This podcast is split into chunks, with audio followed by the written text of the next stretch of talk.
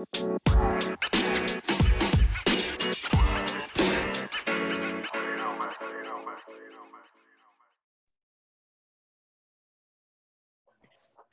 velkommen til noen episoder i Jordbrukspodden. I dag så var vi så heldige å ha fått med oss en, eh, en gjest som var tidligere årets unge bonde i fjor. Sofie Høybakk. Nå skulle jeg til å si Sofia, men jeg klarte akkurat å hente meg inn. Um, du, Sofie, kan ikke du si litt om uh, hvem du er og hvor du kommer fra i verden, og hvilken produksjon du driver med på, på gården din? Jo, uh, ja, jeg heter da Sofia, og um, jeg driver med melkeproduksjon ut på Vigra, der flyplassen i Ålesund er, på Sunnmørskysten.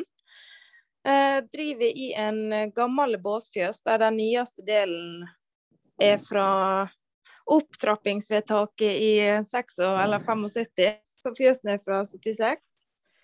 Um, I år har vi 140 tonn i kvote. Skal øke på til uh, Det blir vel 190-195 neste år. Og så uh, har vi um, knappe 600 dekar med jord som vi driver. Vi eier ca. en tredjedel av det. Uh, mesteparten er fulldyrka. Her er ikke noe som er kategorisert som uh, utmarksbeite her, så det er ja, mest fulldyrka driver ganske tradisjonelt. Jeg er fulltidsbonde. Samboeren min han er full jobb utenfor gården i Delaval, men vi driver i lag. Så ja. Kan være travle dager på sommeren. Veldig mye grovfòrgrunnlag i forhold til, til produksjon. Hvordan, hvordan løser dere det? Skulle til så er det god tilgang på jord i området. Det er Derfor dere har så mye ja, areal disponibelt. Ja, det er Her er flere bønder som legger ned enn de som uh, utvider og, og, tar over, egentlig. Uh, vi hadde en, uh, en stor samdrift som hadde sin siste dag på roboten for en uke siden. Og det er vel jeg er ganske sikker på at det er den eldste roboten som var i drift i Norge. Nummer tre som ble satt i gang i Norge. Så nå var det 20 år den har stått og dundra på. Og nå var det slutt. Og det, det merkes, og det er vel litt trenden. Så på, um, på 20 år så er det over 50 bønder som har lagt ned drifta si. Um, men det er ikke så mange som har Her er jo litt utvidelser, men ikke i forhold til, til, det, til det, som har blitt lagt ned. Um, men det er mye Hvor stort gammel... område snakker du om nå, når du sier 50 bønder på 20 år? Ja, det er Giske kommune. Så vi er fire øyer her ute. Eh, der, der det er landbruk på tre av dem. Så nå er vi eh, ja, vi er vel under 25 bønder igjen nå. Mens for 20 år siden så var det 75. Det er ganske dramatisk uh, utvikling.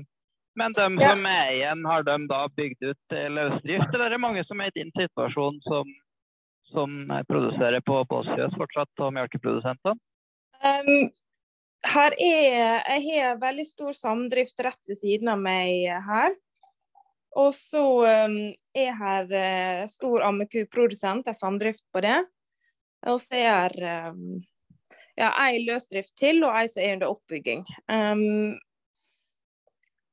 og så er det litt slaktegris. Men her er et par båsfjøser. Her er vel uh, tre båsfjøs, fire båsfjøser til.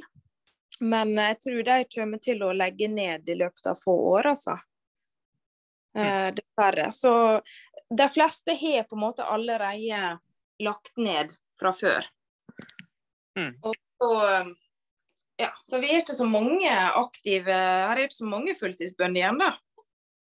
Det er ikke her. Så, Men av skal... dem som er igjen, er miljø, produksjonsmiljøet øh, godt, eller åssen er liksom øh, miljøet rundt ja. Vi har, vi har, et veldig godt miljø i Bondelaget. Eh, de fleste, nesten alle som er fulltidsbønder, er med i styret i Bondelaget. Mm. Vi har jo veldig god kontakt. Jeg er leder der nå, ble det nå i høst. Så vi har, vi har veldig god, uh, godt miljø innad, uh, vi, som, uh, vi, som, satser, vi som driver. Det har vi. Mm. Um, men, men vi er ganske vi er ganske fullbooka alle sammen som driver, da, fordi at vi må drive såpass stort. Men uten at det er så mange, mange folk til å gjøre det. Så um, vi mm. er litt sånn i luksussituasjon, luksusproblem, at det, vi, har, vi, har, mer enn nok uh, areal hver for oss. Um, og det, det er ikke alltid agronomen i oss er så fornøyd med, det, med måten vi driver på, men uh, det er sånn vi, vi må gjøre det for å, for å klare å for å klare å rekke over arealene. Mm. Du nevner jo det at dere skal produsere mer uh, mjølk neste år. Er det mindre ombygging, eller satse på økt ytelse, eller hvordan skal du, hvordan skal du få til en økning i produksjonen innenfor det fjøskassa du har? skulle jeg si?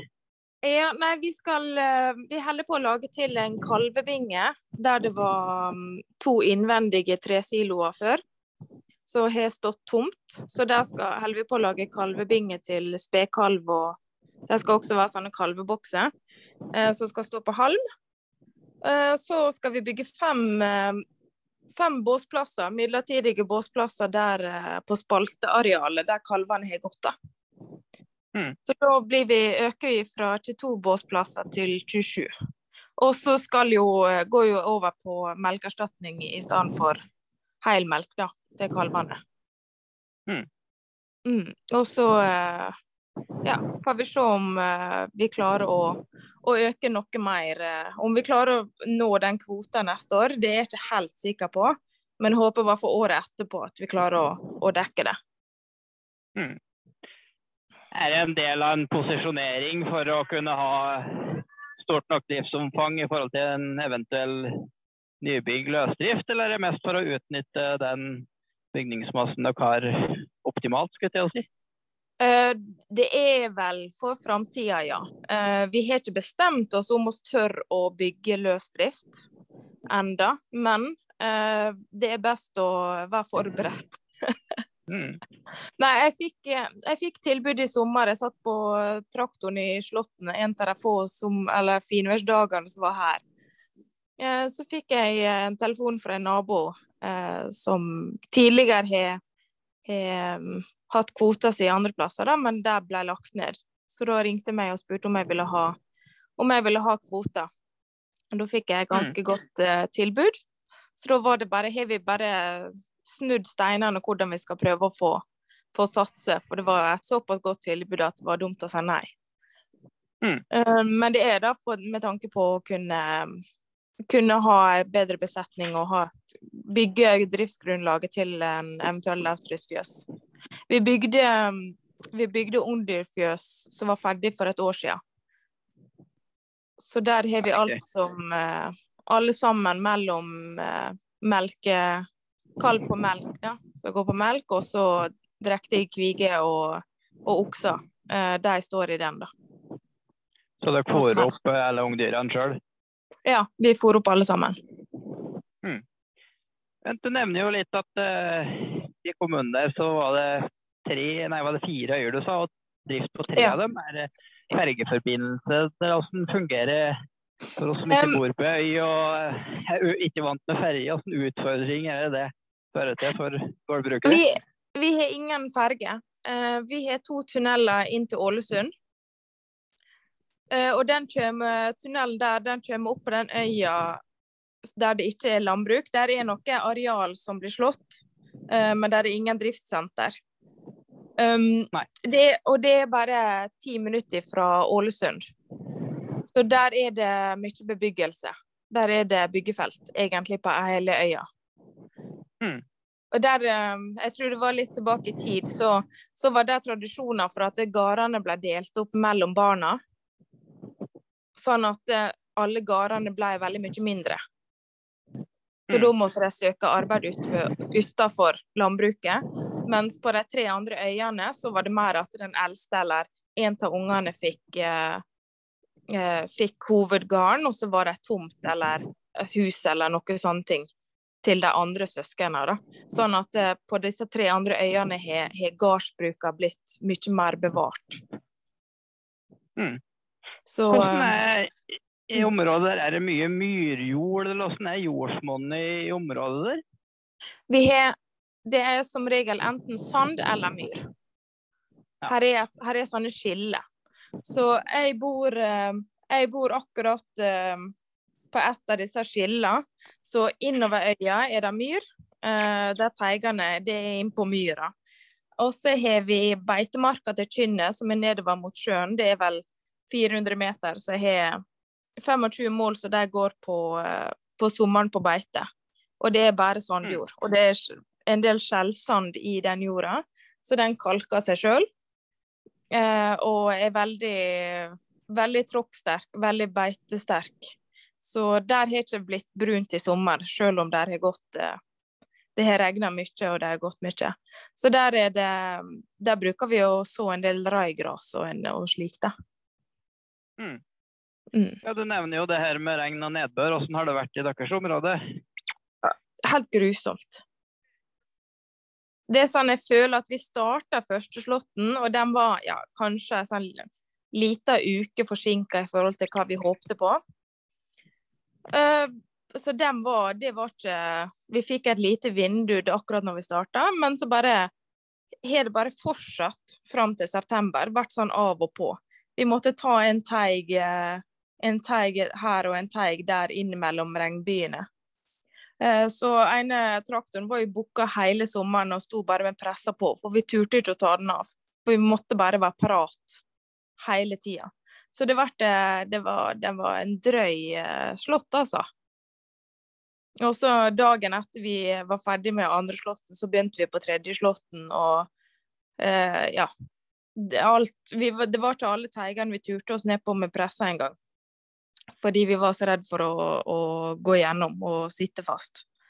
Men uh, vi, har, fått det greit til med med antall rundballer, og fikk en del greit med tørrstoff og slikt, da, for kjøpte, pappa kjøpte venderiv i år. Men uh, vanligvis bruker jeg å selge ganske mye til uh, ut i distriktet her. Men i år uh, har det ikke blitt så mye, altså. Men du nevner rumbeller. Er det da rumbeller det går i på silosida, eller har dere noe silo, eller hvordan er grovfòrlinja? Har dere utstyr sjøl, eller er det grei tilgang på entreprenører i området, eller hvordan er det? Ingen entreprenører i området. Her må vi ha alt sjøl. Uh, og det har alle bøndene her har egentlig nesten hele slåttelinja sjøl. Um, det er litt Kjenner jeg at det er litt ungvint. Men samtidig så er det det eneste alternativet som er her. For alle, alle maskinene er i gang når vi, når vi holder på. Um, mm. Vi har vi oppgradert en del av slåttelinja fra vi, fra vi tok over, så uh, vi kjører vi kjører front- og sidemontert slåmaskin, og fra i år så vender vi det meste. Og så er det samlerivet, og så er det kombipresset fra i fjor. Vi hadde en brann på biopressa vi hadde. Um, alt er i rundball, ingen silo. Og uh, har egentlig en drøm om å prøve å bygge høytørke istedenfor uh, en gang. Altså bygge og lage til uh, høy til melkekyr, da. Men uh, det er litt opp og fram. Det er stor investering. og det er litt risky, men veldig spennende har det vært. Mm. Uh, nei, så det, du, det er altså det er bare for å få fram det poenget. Det er jo mange som tror det at uh, ja, men bønder kan jo bare bruke entreprenører, og det er jo bare å ta en telefon, liksom. Men mm. det er jo faktisk sånn at i veldig mange deler av landet så er du helt avhengig av eget utstyr. Både pga. at det ikke er entreprenør, og veldig korte, jeg regner med dere har korte værvinduer ja, vi kan uh, ha det. Ja. Um, vi kan ha det. Jeg, jeg er litt på at jeg prøver Jeg prøver å uh, få til litt mer samarbeid uh, på en del utstyr, fordi at uh, Hva jeg skal si, det er litt Vi har litt ukultur, bønder generelt, at vi skal være så Vi vi skal klare oss sjøl. vi skal klare oss sjøl på så mange måter. Um, og litt er jo litt sånn politisk at vi må bli så store at vi, vi må det for å klare å drive. Men uh, samtidig så må vi prøve å, å, være litt rasjonelle i det og tenke litt bedrift. At uh, det et samarbeid kan ofte være lurt. Um, så vi har fått til på en del ting, men, jeg, men vi ser at uh, akkurat på slåttelinja og på det, da er det da er vi i gang alle sammen, så det er vanskelig å få til et samarbeid der slik som vi er nå, da. Med antall, antall både folk, antall traktorer og, og den kvaliteten som vi trenger, da. Mm. Um, jeg på å drikke et så jeg ikke hører vi samtidig, så jeg må konsentrere meg litt der. ja. Det foregår noe hele tida. Men ja, det Så det er ikke noe maskinring eller sånne, det er ikke noe kultur for det. Jeg ser jo at I noen deler av landet så er det jo utbredt, og andre deler er det jo ikke. Så det, det, det er jo ikke så lett å få til det samarbeidet som du opptrår. Men uh, det er jo absolutt gunstig hvis vi klarer å få det til, da, selvfølgelig. Men uh, du jobber med saken, virker som er åpen for samarbeid, i hvert fall. da. Ja, jeg, jeg, er jo den yngste nå, da. Så jeg skal jo prøve å så jeg, jeg, Hva jeg skal si? Jeg prøver jo også å rigge på ganske store, stabile steiner. mm. Så det er, ikke, det er, ikke, alltid så lett å komme fersk inn og, og prøve på det, da. Men um, i vår kjøpte vi, fikk vi et godt samarbeid med å kjøpe slangespredningsutstyr eh, til gjødsla med, med stripspreder på traktoren og tilførselsslange. Eh, og der er mm. jo vi avhengig av å, å samarbeide når vi, vi gjødsler også. Så det ser jeg på en veldig positiv ting, eh, for det er jo veldig stor investering. Og så har vi gode RMP-tilskudd her i, i, fylket, så det er jo en investering som lønner seg for oss, da.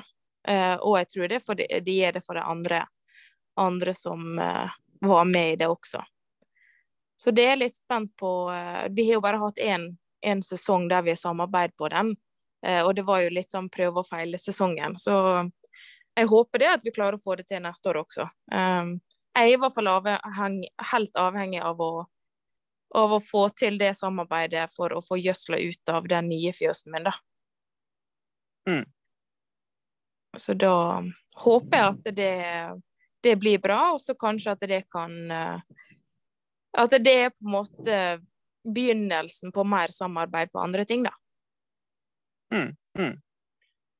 Dere har jo tatt ganske store oppgraderinger på maskiner. da, høres det ut som. Hvordan er erfaringene med dagens maskinpriser? og Blir du litt sjokkert når du får tilbud og hva ting koster, eller eh, var du forberedt på, på de prisene som er på, på maskiner og utstyr?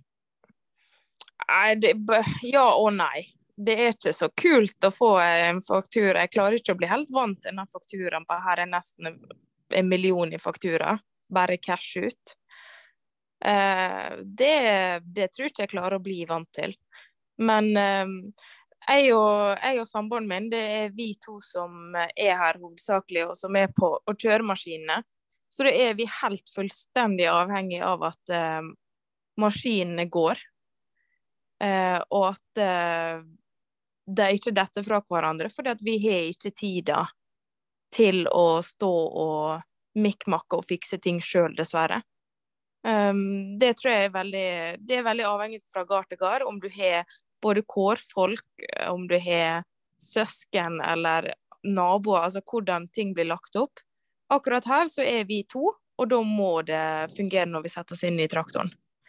Og spesielt sånn som så i slåttetida med oss, så er det på Er det i den perioden vi har ganske mange kalvinger for å kunne utnyttes av eh, sommermelka og av beitesesongen. Eh, jeg har ikke hatt avløser i den perioden til nå, i hvert fall. fordi det er jo før skoleferiene har begynt. Så da det, står jeg der med mye kalvinger, mye nybære mye kalver å eh, passe på, og så er det Slåtten. Og så er vi to stykker. Han er fulltid ved siden av. Så der er vi hele dagene går med på, på gardsdrift. Så det er liksom fjøsen om morgenen, sette seg traktoren ferdig i fjøsen, helt fram til fjøs på kvelden, og så sette seg traktoren ferdig på kvelden også. Og da må jeg ha maskiner som, som går. Jeg kan ikke mm. stå der og, og, makke på ting. Det har ikke vi tida til. Uh, og da må vi ta den kostnaden. Vi har på en måte ikke hatt et valg, så jeg har bare måttet, måttet gjort det slik. Han trenger at det fungerer når det skal gå, ja. Det er ingen tvil om det. Ja. Du, eh, du har jo vært årets unge bonde. Nå har du vel akkurat mista den eh, tittelen. Jeg gikk si litt videre, jeg ikke mista den. ja, ja, det er rett. Ja. Det var litt eh, feil formulert. Ja. Har den fortsatt, ja. Det er ikke den ferskeste lenger. Jeg er ikke den regjerende, det er ikke jeg. Nei, korrekt, korrekt. Du kan ikke si, du sier litt om den prosessen, hvordan hvordan det var, og litt bakgrunn for juryen til at du ble valgt. Og ja, fortelle litt om hvordan den prosessen var. Eh, jeg husker at jeg fikk eh, var akkurat sånn i slutt, slutten av fjøsstellet en gang i jeg tror det var september i fjor. Så fikk jeg bare en telefon at jeg var, jeg var semifinalist. Bare jeg fikk jo helt fullstendig sjokk, for jeg hadde i hvert fall ikke nominert meg sjøl. Um, ehm, hadde aldri tenkt at um, hva jeg skal si, at jeg kunne bli en av årets unge bonde i det hele tatt. Um, det er jo gjerne ikke et mål i seg selv å bli det, da. Det er jo ikke derfor vi er bønder. Men uh, det er jo en uh, pris som er veldig uh, ærefull. Det er det. Um, og trodde i hvert fall da ikke at jeg kom til å bli kåra, så jeg ble jo heller ganske overraska den kvelden. Uh, juryen uh, hva jeg skal si, jeg mente jo på at det var en, uh, et forbilde. Og det er jo Jeg håper det at jeg kan være det, men jeg skjønner ikke helt hvordan. Um, jeg har jo bare tatt over en gard og, og prøver å drive den så godt jeg kan. Og som regel føler jeg ikke at jeg klarer å gjøre det engang. Men jeg, Hvor lenge, lenge er det du har drevet i nå? Jeg, jeg, tok over i 2018, i slutten av i oktober 2018. Så det er bare fire år, da. Mm. Um, og før det så var jo jeg både i inn- og utland, og ikke så mye i gardsdrift, egentlig. Um, så jeg tror Hva har du jobba med tidligere, før du ble bonde? Jeg studerte. Jeg var student. Jeg uh, var student uh, borte i England. Uh, gikk business i London. Så det var en veldig annen hverdag der borte. og så flytta jeg hjem igjen, og så For jeg tenkte Kjente det at gardsdrift, eller i hvert fall litt mer plass og litt mer annen type hverdag enn eh, åtte til fire eller ni til fem som var der borte, da. Det frister heller, men uh, hadde ikke tenkt så mye på Du må datte ut litt, Så du må ta og repetere det du vil si? Ja.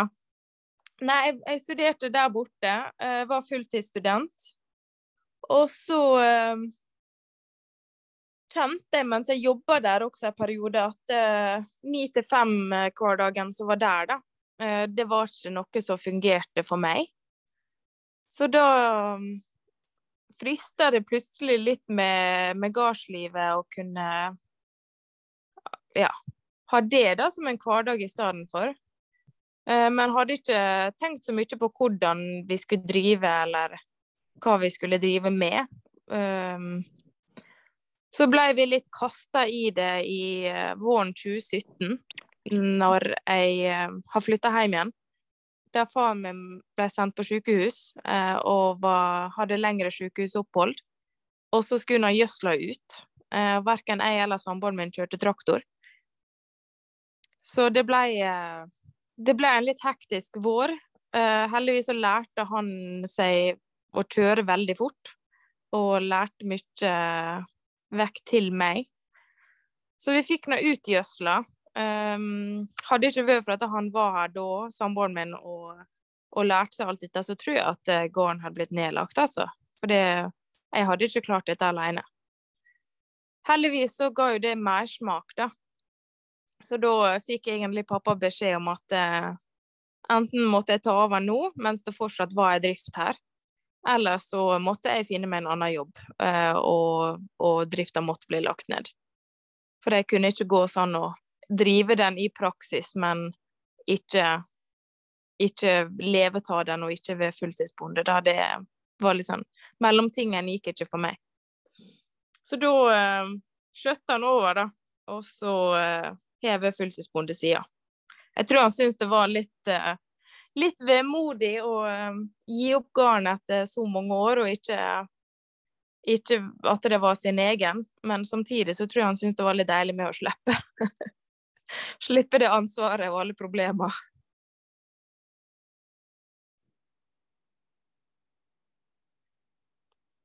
Eh, hva jeg skal si, men du har god hjelp i, i samboeren din, som du eh, sier, som er med og, og trår til litt ved, ved, behov. Har du noen andre noen forfolk som er med, eller er det mest, mest dere to som utfører arbeidet? Nei, jeg har hatt eh, faren min tidligere. Um, men han har hatt litt problemer med, med, beina. Han er diabetes. Så nå i uh, Han har på en måte bare måttet trekke mer og mer ut, så nå i høst har han uh, amputert uh, enefoten. Så da er han helt ute akkurat nå. Og jeg tror ikke han kommer til å komme inn igjen så mye i det heller. Det tror ikke jeg. Kanskje han klarer å kjøre litt traktor etter hvert. Um, men siste år eller to så er det har det vært mest uh, meg og samboeren min.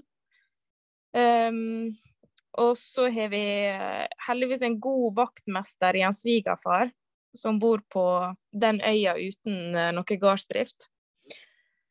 Så han kommer ut, og det er han som bygger, er sjefsbygger for disse kalvebingene som jeg holder på å lage nå. og En del som vaktmesterarbeid, da. Og prosjektering og bygging. Og så har vi har samboeren min en god kompis som uh, hjelper til uh, når han er hjemme fra sjøen. Hjelper til med slåtten og, og, forskjellig slik, da. Han syns det er litt kjekt å kjøre traktor. Men han er jo på sjøen, og da er jo det alt etter mm. alt, alt etter turnusen hans.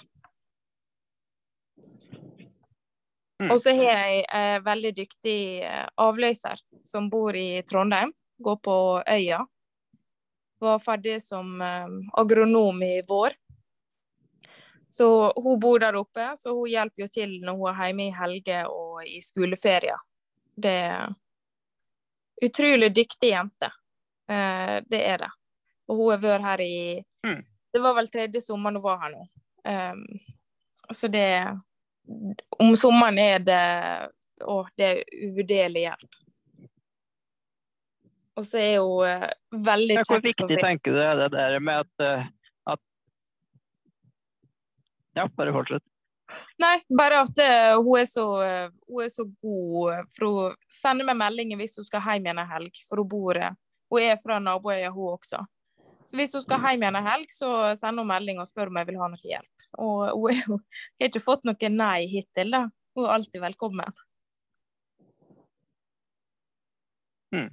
Men Hvor viktig tenker du det er for det her med at bønder faktisk har avløser, og, at man har nok kompetent arbeidskraft så bonden har mulighet til å ta seg fri i forhold til ja, når du, du er en ganske ung, en ung dame og kanskje har behov for og ikke arbeide 365 dager i strekk, eller hva tenker du rundt det? Om den sånn nye generasjons bonde kanskje har behov for litt mer ferie? Eh, for det første, vi, har, vi som har husdyr, har jo mulighet til å søke om avløsertilskudd. Um, benytt det til det ytterste. Uh, det er helt tull å Jeg syns det er bare tull å ikke benytte seg av det avløsertilskuddet som vi, som vi har um, Hva jeg skal si, du har Det er jo nærmere Er det noe 90 000? Jeg husker ikke hva tallet er, men det er jo 90 000 som du får dekt. Og det er ganske Det er en del, det, altså. Um, og det å ha en person uh, Bare ha mm. en pers person ekstra på gården og ekstra i fjøsen av og til, det gir Altså, det er alltid så kjekt når hun Når jeg kommer inn i fjøsen og hun er der, Uh, og vi kan gå der i lag, eller om jeg tar fri og gjør noe annet. Det, det gir en sånn Det er noe med å bare ha en person der. Og ha annen, et annet ansikt å se. mm. Og kunne diskutere litt ting med. Og så er det det, jeg vet visst at jeg uh, Hun har redda meg mange ganger, spesielt på sommeren. Um, jeg har hatt ei jente som har hatt barnehagefri.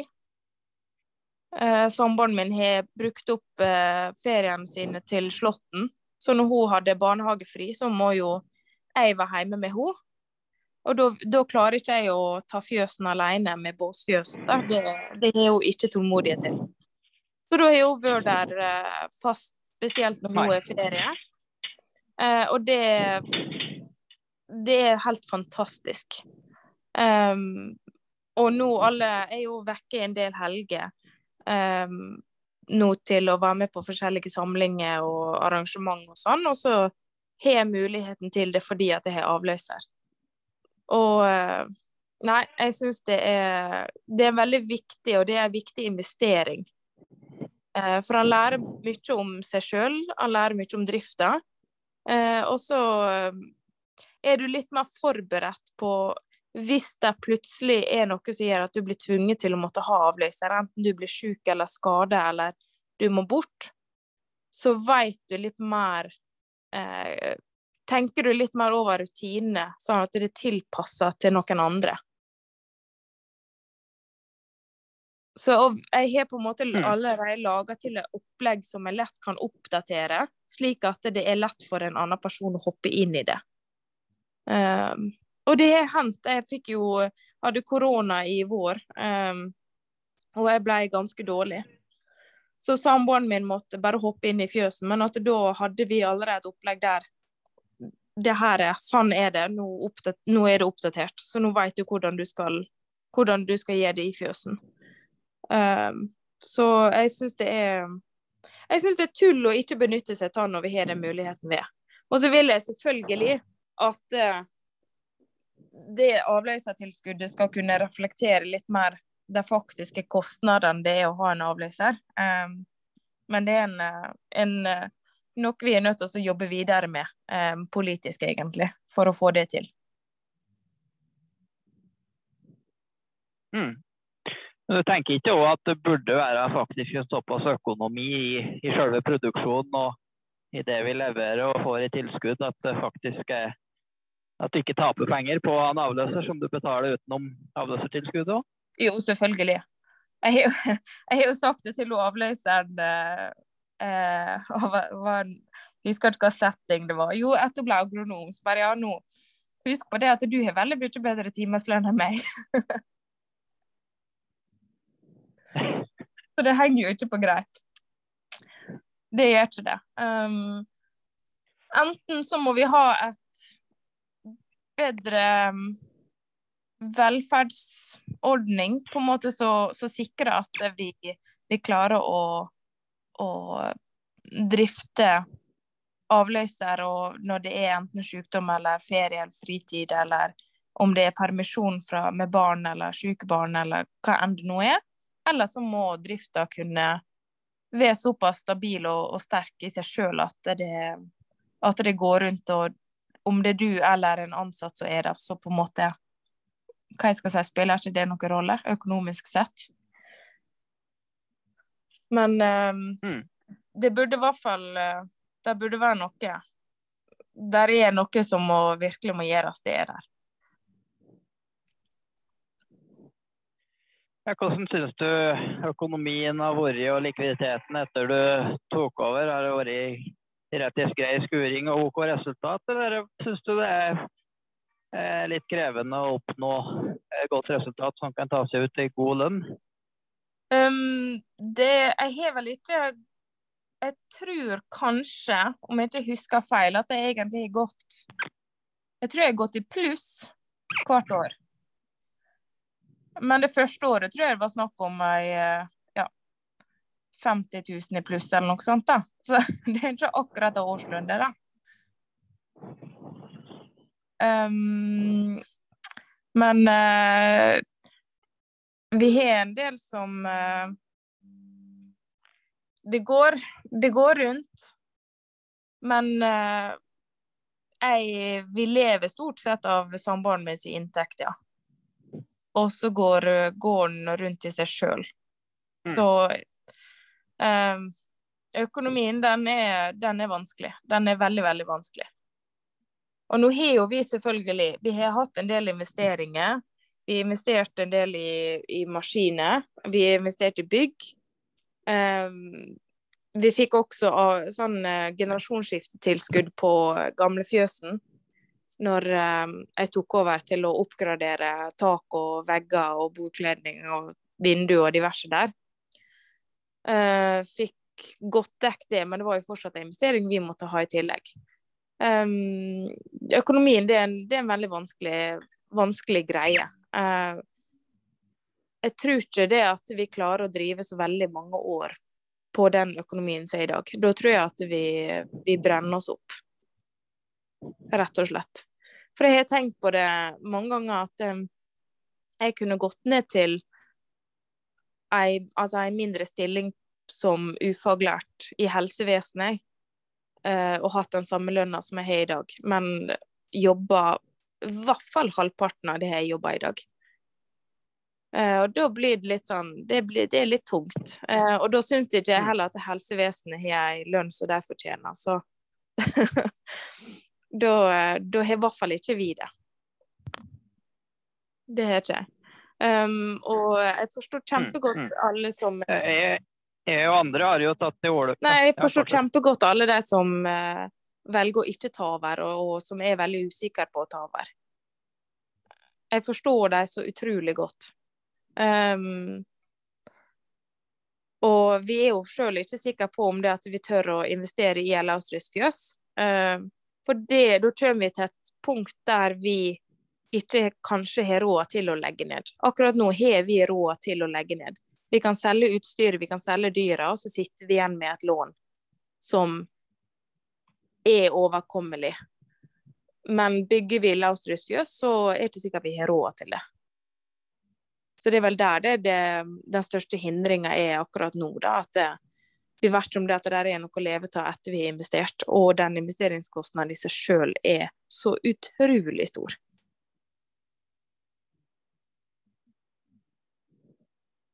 Mm. Og da snakker vi om 10 millioner pluss for et nytt løsdriftsfjøs i deres område. Kanskje, kanskje mer òg? Mm, jeg tror ja, det er rundt 10, da. fordi at jeg har jo en ungdyrfjøs der det er plass til 40 ungdyr. Um, som er nylig investert i. Så vi trenger ikke hele den ungdyravdelinga slik som uh, vi måtte. Men du må jo da 10 millioner pluss uh, de millionene vi allerede har investert. Så ja, det blir jo ti millioner pluss til sammen, da. Mm. Det er en sum som jeg i hvert fall ikke blir vant til. Eh, hva tenker Nei, det skjønner jeg godt, ja. Nei, det er jo veldig skremmende. Det blir jo litt som å bygge et uh, bygge et bolighus så langt i allfarvei. Du tar jo en stor risiko, for med en gang du har bygd det bolighuset, så detter jo i verdi med, med 50 mm. for det er jo ikke noe marked for uh, så dyre hus på, uh, på bygda. Ja. Så det er jo en veldig personlig risiko man, man tar på seg, da, som kanskje ikke er kommet godt nok fram bestandig. at Han er jo faktisk selvstendig næringsdrivende og driver ikke som et AS, så det er ikke bare å klappe igjen selskapet, og så er problemet løst. Mm. Da sitter vi i saksa. Nei, det er ikke det. Og, og det er ikke det er ikke et mål å sette opp verdien heller på, på disse gårdsdriftene. For da, kan ikke folk kjøpe dem heller. Mm. Så han sitter litt i saksa uansett. Hvilke eh, planer har dere sånn mm. Nå har dere gjort veldig mye, mye grep. Dere har både bygd bygd på til ungdyr, og dere har handla en del maskiner og, og, ny teknologi og sånn. Tenker dere nå at dere kjører noen år og på en måte prøver å optimalisere drifta sånn det er, eller hva er liksom de litt sånn eh, kortsiktige og mellomlange planene for drifta? Nei, Vi er jo så vidt på tegnebrettet med ny ungdyrfjøs, nei, med ny lavstrømsfjøs. Um, det, jeg syns det var en litt vanskelig prosess å bygge sist gang, så det har tatt meg litt tid å, å, å være klar til å tenke på å bygge videre. Det er jo eh, Du står der som en, en enkelt bonde og skal være, være en profesjonell part opp mot de store byggefirmaene som kan dette her. Og da er det vanskelig å stå der med sine krav, altså, og stå der og presse dem økonomisk og, og, slike ting. Og, vi hadde ikke bygd før, og da er det vanskelig å vite hva en skal forvente, og hva som hva jeg er rett på, og hva som jeg har ansvar for sjøl. Så det er noe Det er en prosess som jeg gruer meg til å starte på igjen. Men vi har så vidt begynt å tegne litt. Eh, og jeg tenker det er litt tid for oss å tegne. Å tegne nå, bruke tid på det. Og så har vi i hvert fall det klart om vi bestemmer oss for å bygge. For da kan, vi, da kan vi på en måte bare sette i gang, sette i gang med søknadsprosesser og, og slikt. Så det, det, er der vi er nå, da. At uh, vi prøver å, å, optimalisere det som er her, men vi tenker for videre framtid også.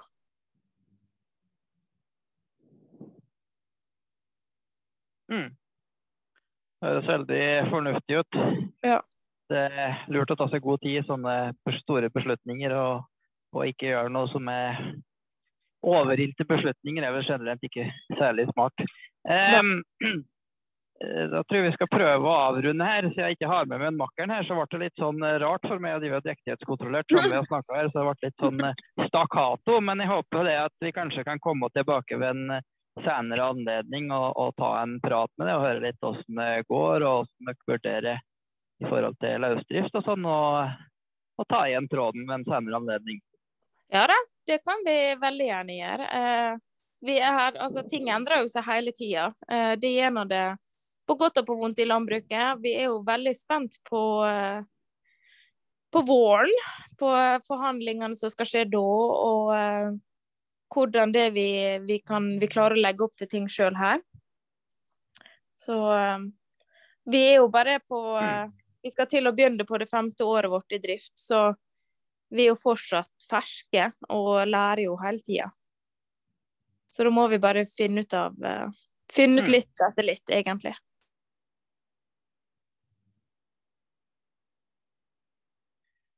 Da ønsker vi dere lykke til videre i den prosessen. Og så får vi bare felles krysse fingrene for at eh, politikerne tar jamstillingsplanen på alvor og får i gang på det, så vi får bedra melkeøkonomien og økonomien i andre produksjoner skikkelig. Det så, håper vi. Eh, så får vi se hvordan det går. Ja. Vi får bare jobbe for det. Tusen hjertelig takk for at du var med i dag. Tusen hjertelig takk for at jeg fikk være med. Mm. Hei, hei. Hei, hei.